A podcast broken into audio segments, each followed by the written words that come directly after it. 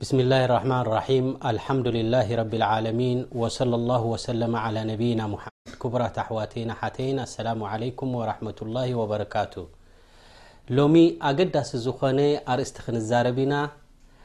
ኣብ ሂወትና ዘገድሰና ከምኡ ድማ ንደቂ ሰባት ብዙሕ ግዜ ደጋጊምና ክንሓቶምን ኣብዚ መስመር እዚ ንክነእትዎም ዝግብኣና ሓደ ዓብዪ ሕቶ ኣሎ ወህዋ መን ለذ የስተሕቀ ዕባዳ መን እዩ ክምለኽ ዘለዎ ኣብዚ ዓለም እዚ ብዙሓት ናይ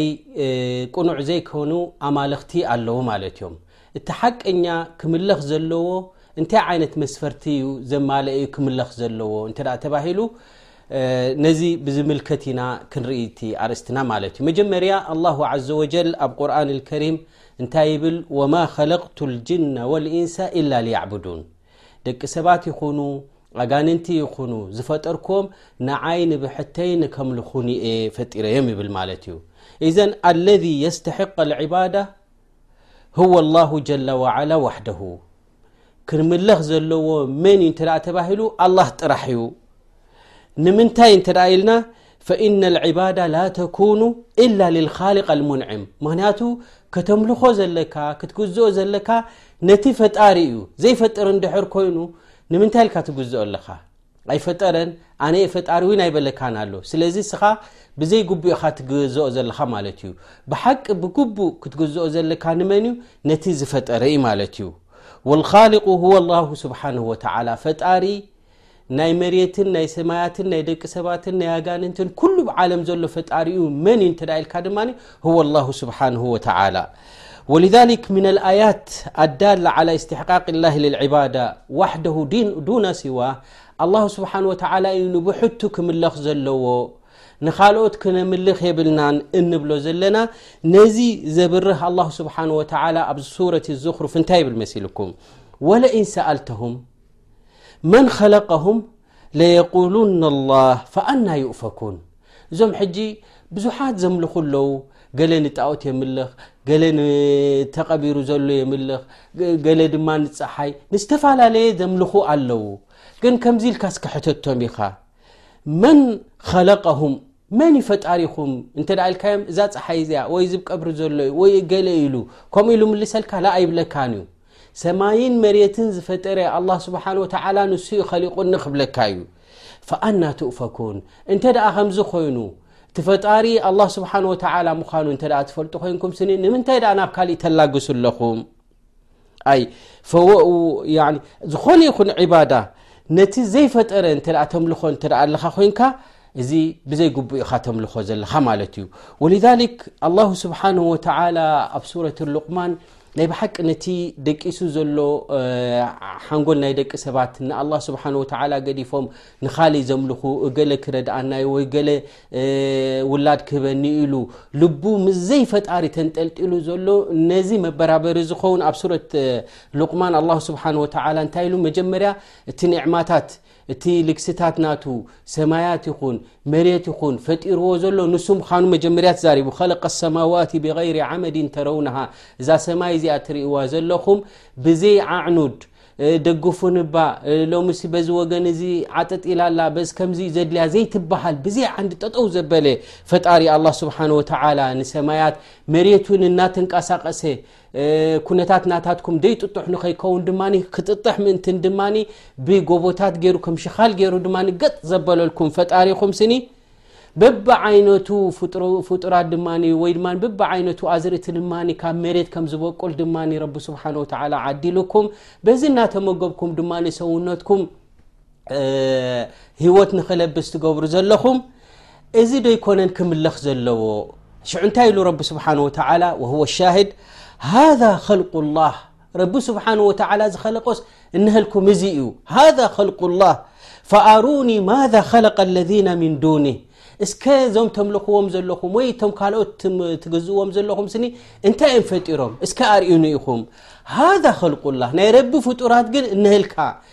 ሰማያት ድዩ ብዘይ ዓንዲ ድዩ መሬት ዘይትንቀሳቐስ ገጥ ዝበለት ገይሩልካ ካብ መሬት ዝወፅእ ብዙሕ ሽሻያት ዝገበረ ፈጣሪ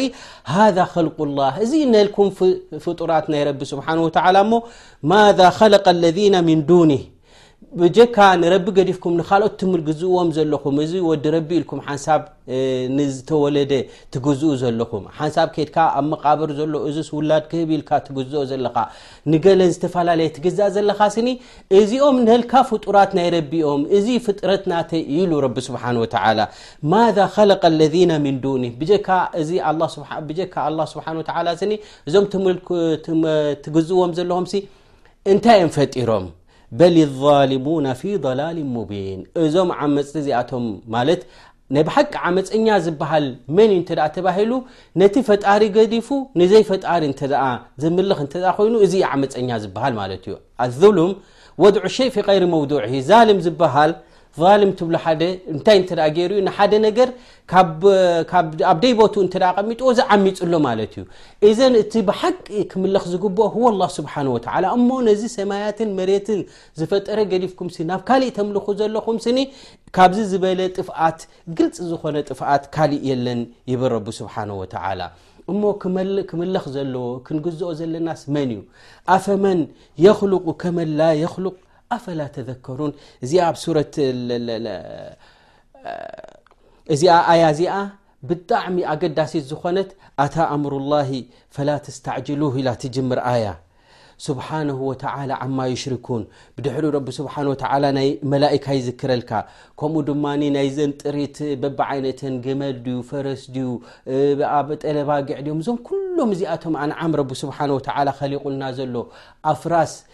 ተደለኻ ንመልክዕ ተደለኻ ድማ ተወጢሕካዮም ድማ ብዙሕ መንገድታት ትጓዓዘሎም ድዩ ከምኡ ድማ ካብ መሬ ካብ ሰማይ ድማ እዚ ዘይበሃል ማይ ኣውሪዱ ከምኡ ድማ ካብ መሬት ድማ ብብዓይነቱ ኣዝርእቲ ድማ ዝፈጥር ጎይታ ስብሓን ወተዓላ ነዚ ምስዘከረ ረቡና ዘ ወጀል እንታይ ኢሉ ኣፈመን የኽልቁ ከመላ የኽልቕ ኢሉ እቲ ዝፈጥርን ዘይፈጥርን ስኒ ሓደ ድዮም ዝፈጥርን ዘይፈጥርን ሓደ ኣይኮነን እዘን ኣየናይ ኢኻ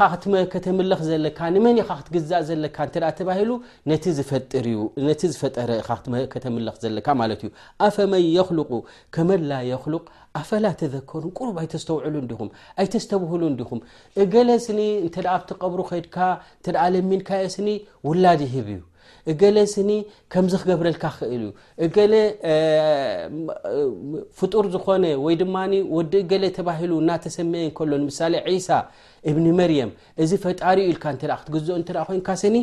ኣፈመን የክልቁ ከመላ የክልቅ ፈጣሪን ዘይፈጣሪን ስኒ ሓደ ጌርካ ኣብ ሓደ ሚዛን ክተቐምጦ ስኒ እዚ ግቡእ ድዩ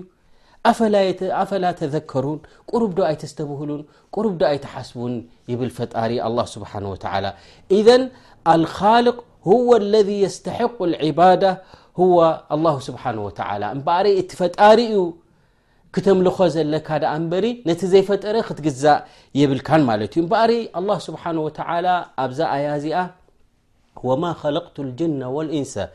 እላ ልያዕብዱን ትብል ዓብይ ዝኾነ ትምህርቲ ዓብይ ዝኾነ ፋይዳ ኢና ንቐስም ማለት እዩ መጀመርያ ደቂ ሰባት ይኹኑ ኣጋንንቲ ፈጢረዮም ዘለኹ ስኒ ንብሐተይ ንኸምልኹኒ እዩ ኢሉ እዘን ኸለቀሁ መን ልካልቅ ህወ ኣላ ስብሓን ወተላ እምበኣረ እሱ ንድሕር ኮይኑ ዝኸለቀ ኣላ ስብሓን ወተላ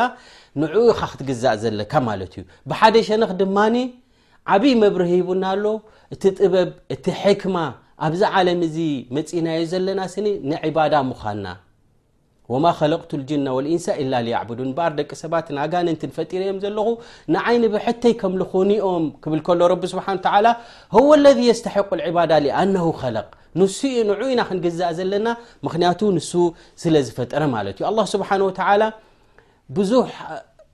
ፍጥረታት እዩ ፈጢሩ ካብቶም ዓበይቲ ፍጥረታት ኣብዛ ኣያ እዚኣ ጠቂሱልና ማለት እዩ ወማ ከለቅቱ ልጅነ ወልኢንሰ ኣጋንንቲ ኢሉ ጠቂሱልና ከምኡ ድማ ደቂ ሰባት ኢሉ እዞም ኣጋንንቲ እዚኣቶም ም ዓለም غይብ ማለት ብዓይንና ዘይንሪኦም ዓበይቲ ዝኾኑ ብዝሒ ዘለዎም ኣጅናን ተባሂሎም ድስመዩ ኣለዉ ማለት እዮም ጅን ተባሂሎም ምክንያቱ ሚኣነሁም ሙስተቲሩን ክንሪኦም ስለ ዘይንክእል ዝኮና ጅን ተባሂሎም እዛ ማደት ጅን ዘለዋ እንታይ ማለት እዩ ንኩሉ ነገር ሕቡእ ዝኮነ ስውር ዝኮነ ነገር ሕጂ ንምሳሌ ጀኒን ትብሎ ኣብ ከብድዲኡ ዘሎ ማለት እዩ ምክንያቱ ስለ ዘይትሪኦ ስለ ዝኮንካ ማለት እዩ እዚኣቶም ጅን ድማ ብዓይንና ክንሪኦም ስለ ዘይንክእል ጅን ተባሂሎም ማለት እዮም ወልሊክ ኣላ ስብሓን ወተላ ብዛዕባኦም ኣመልኪቱ እንታይ ኢሉ እነሁ የራኩም ሁወ ወቀቢልሁ ምን ሓይث ላ ተረውነሁም ኢሉ እዞም ኣጋንንቲ እዚኣቶም ንሕና ኮ ወላ ተዘይረኣናዮም ንሳቶም ይርእዩና እዮም ማለት እዮም ፈሁም ምን ዓለም غይብ እዚኣቶም ብዓይንኻ ዘይረኣዩ ስውራት ዝኾኑ እዮም ላኪን ወልኢማኑ ብህም ዋጅብ ብኣቶም ክንኣምን ናይ ግድን እዩ ማለት እዩ ሓደ ሰብ ኣነ ወላ ኣጅናን ድበሃል ሸይጣን ዝበሃል ኣይኣምንን እየ ድሕር ኢሉ እዚ ናይ ብሓቂ ኣብ ሓደጋ እዩ ዘሎ በል ኣብ ክሕደት ኣብ ክፍር የውድቆ እዩ ማለት እዩ ምክንያቱ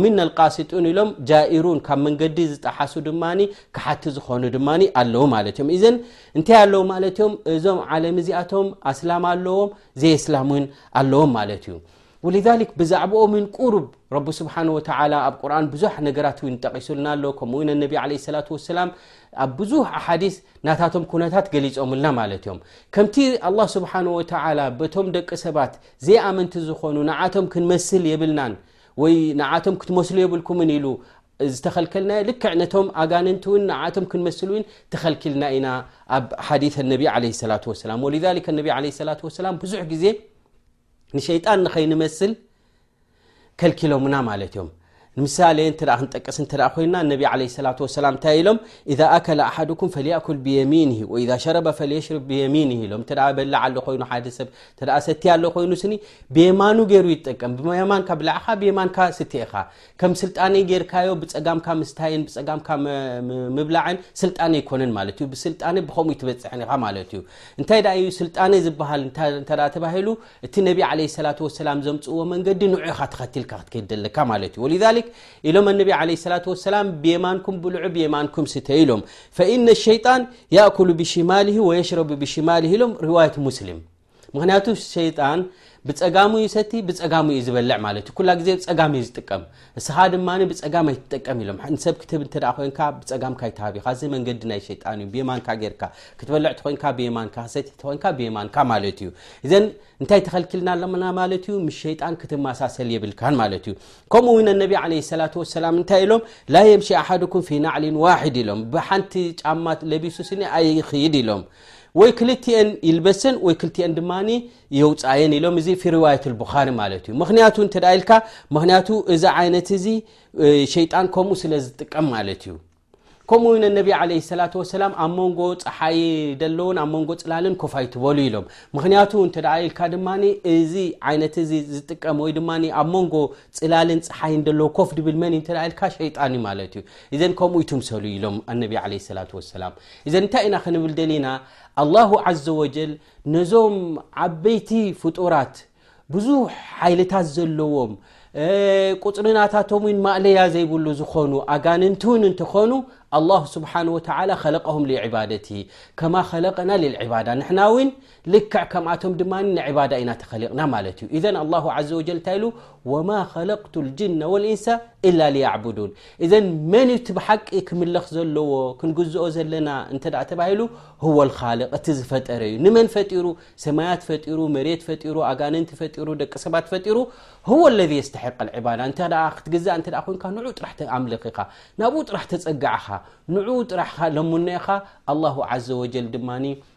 ኩሉ ኩነታትካ ከግራሃልካን ኣብዚ ቀዳማይ ዓለምን ከምኡ ድማ